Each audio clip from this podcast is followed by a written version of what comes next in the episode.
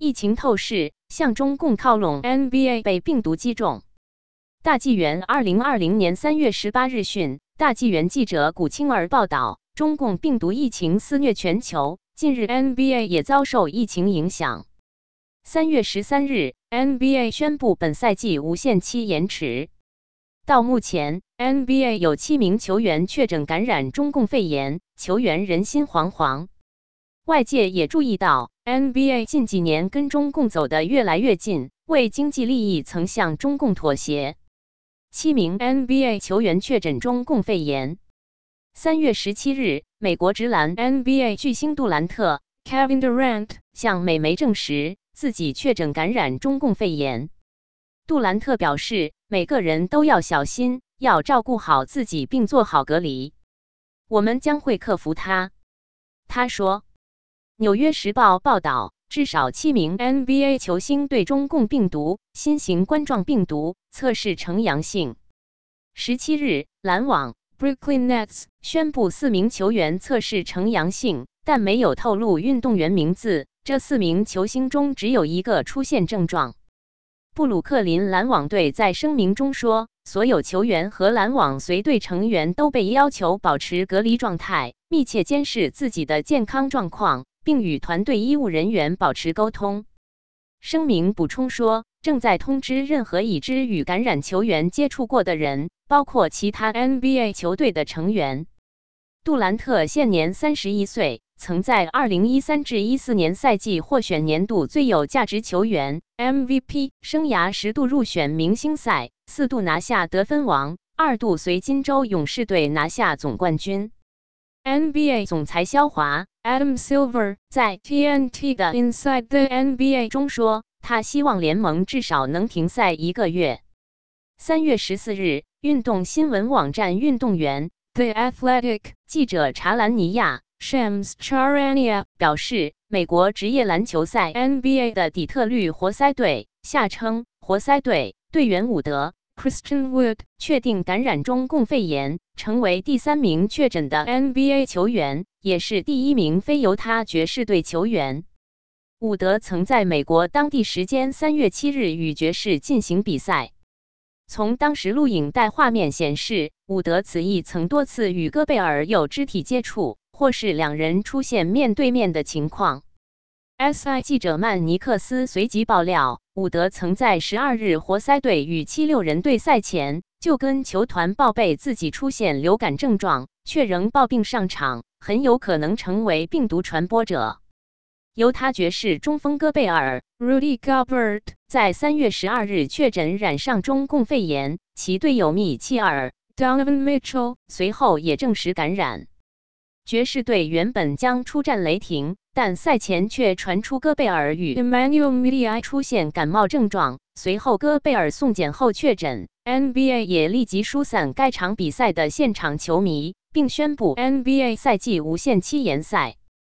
而戈贝尔还被美媒爆料，九日在赛后记者会结束后，与 NBA 要求的媒体和球员保持安全距离的防疫政策开玩笑，起身离场前还回头刻意摸遍现场所有麦克风。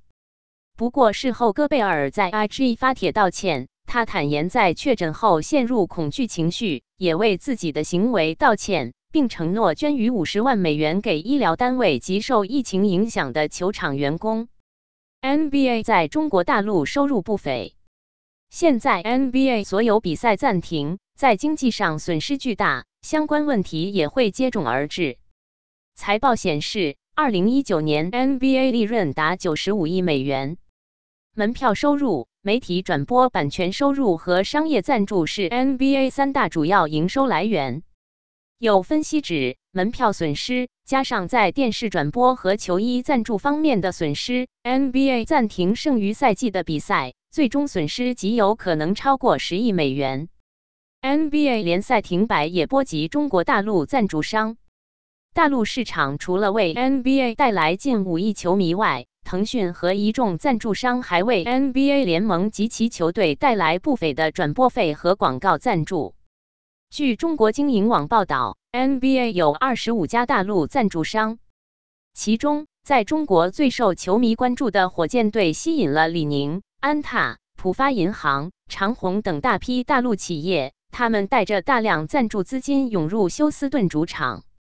因疫情导致的联赛停摆，赞助商无法再通过赛事获得合同约定的品牌曝光。NBA 一共有三十支球队，火箭队获得的中国赞助远多于 NBA 联盟里其他球队。据路媒报道，二零一七年前，火箭队来自大陆的赞助商品牌常年维持在四杠八个之间，贡献收入比例，除去转播费用和特许商品收入，达百分之八至百分之十。二零一七年以后，火箭队加快中国大陆市场的开发，希望将大陆赞助商的数量提升到十二个，占总收入比重提升到百分之二十。在 NBA 的收入结构里，媒体转播是 NBA 联赛的主要收入之一。在大陆市场，腾讯花十五亿美元签下 NBA 为期五年的独家数字版权，并为 NBA 业务建立了庞大的运营团队。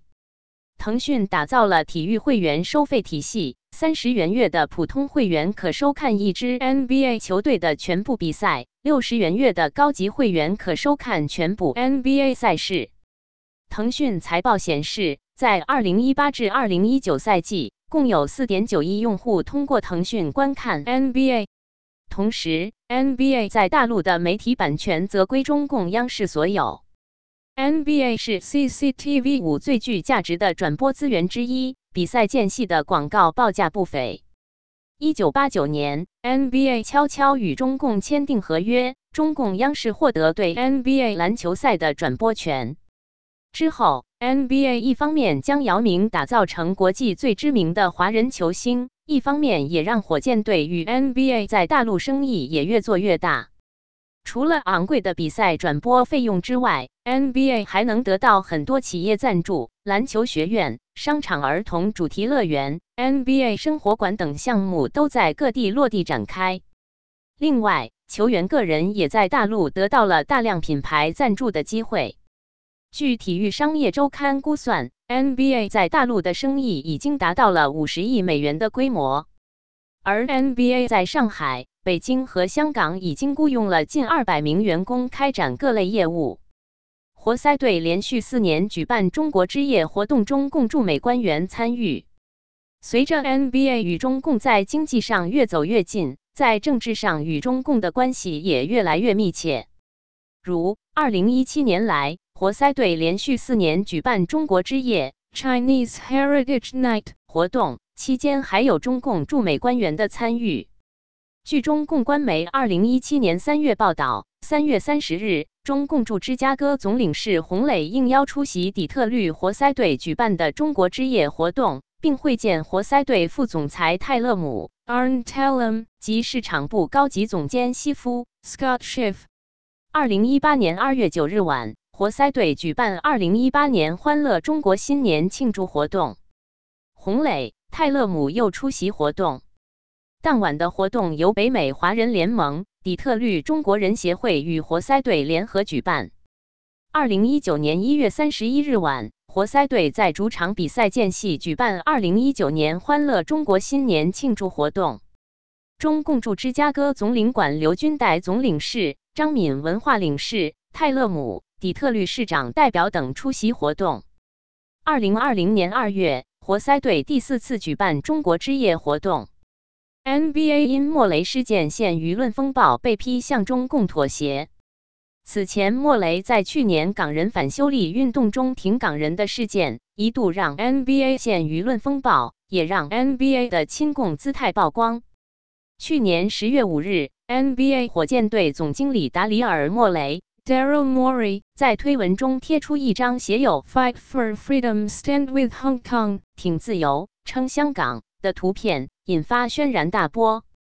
随后，中共全方位封杀 NBA 和火箭队，中共央视、腾讯等平台宣布暂停转播 NBA 赛事，中方很多合作商也停止与 NBA 合作。据媒体统计，当时央视、腾讯停播 NBA 在大陆的百亿人民币生意暂停。迫于压力，十月七日，NBA 发表中英文版本声明道歉。NBA 中文声明称，对莫雷发表的不当言论感到极其失望。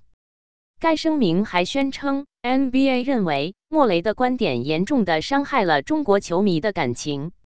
蹊跷的是，NBA 发言人巴斯 （Mike Bass） 所发表的英文声明与此大相径庭。我们承认，休斯顿火箭队总经理莫雷所表达的观点深深冒犯了我们在中国的许多朋友和球迷，这令人遗憾。由于两份声明不一致，在美国引发了舆论风暴。多名美国政客、多个媒体、篮球粉丝等均批评 NBA 对中共屈膝。当时，湖人队球星勒布朗·詹姆斯 （LeBron James） 于十月十五日在媒体上公开批评莫雷。勒布朗表示，相信莫雷是被误导才说出那番话，他并不了解真实情况。尽管我们有言论自由，但说话前还是应该谨慎一点，以免带来很多负面影响。那么多人有可能受伤害。不仅仅是经济上的，也包括身体上、感情上、精神上的伤害。NBA 在大陆的吸金帝国。据报道，勒布朗作为 NBA 代言人以及耐克最重要的篮球代言人，可以说与中国大陆关系是最密切的。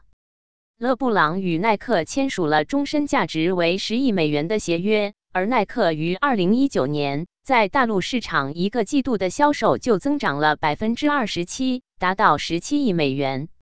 勒布朗·詹姆斯的标志球鞋是耐克最著名的卖点。耐克在二零一九财年收入三百七十二亿美元，有百分之十七，也就是超过六十亿都来自大陆市场。詹姆斯在耐克不但涉足篮球，也涉足电竞。在二零一八年。他代表耐克携手电竞明星简自豪一起合作广告。勒布朗还拥有一个媒体公司 Spring Hill Entertainment，这个公司正在制作《Space Jam 二：空中大灌篮二》，本想从中国大陆观众中大赚一笔。勒布朗还与其他大陆企业有合作，更是 NBA 2K 联盟在大陆的顾问和代言人。而勒布朗并不是唯一一个与中国大陆建立紧密商业关系的 NBA 球星。已退役的迈阿密热火队球星德维恩·韦德 （Dwayne Wade） 是勒布朗的密友。2018年与大陆企业李宁签约，每年有一千二百万美元的收入。波特兰拓荒者队的 CJ 麦科勒姆 （CJ McCollum） 也与李宁签约，但是未向外界透露合同金额。金州勇士队的克莱·汤普森 （Clay Thompson） 与大陆协企安踏签约，价值九百万美元。与安塔签约的还有波士顿凯尔特人队的戈登·海沃德 （Gordon Hayward） 及湖人队的拉简·朗多 （Rajon Rondo），后者是勒布朗队友。责任编辑：林瑞。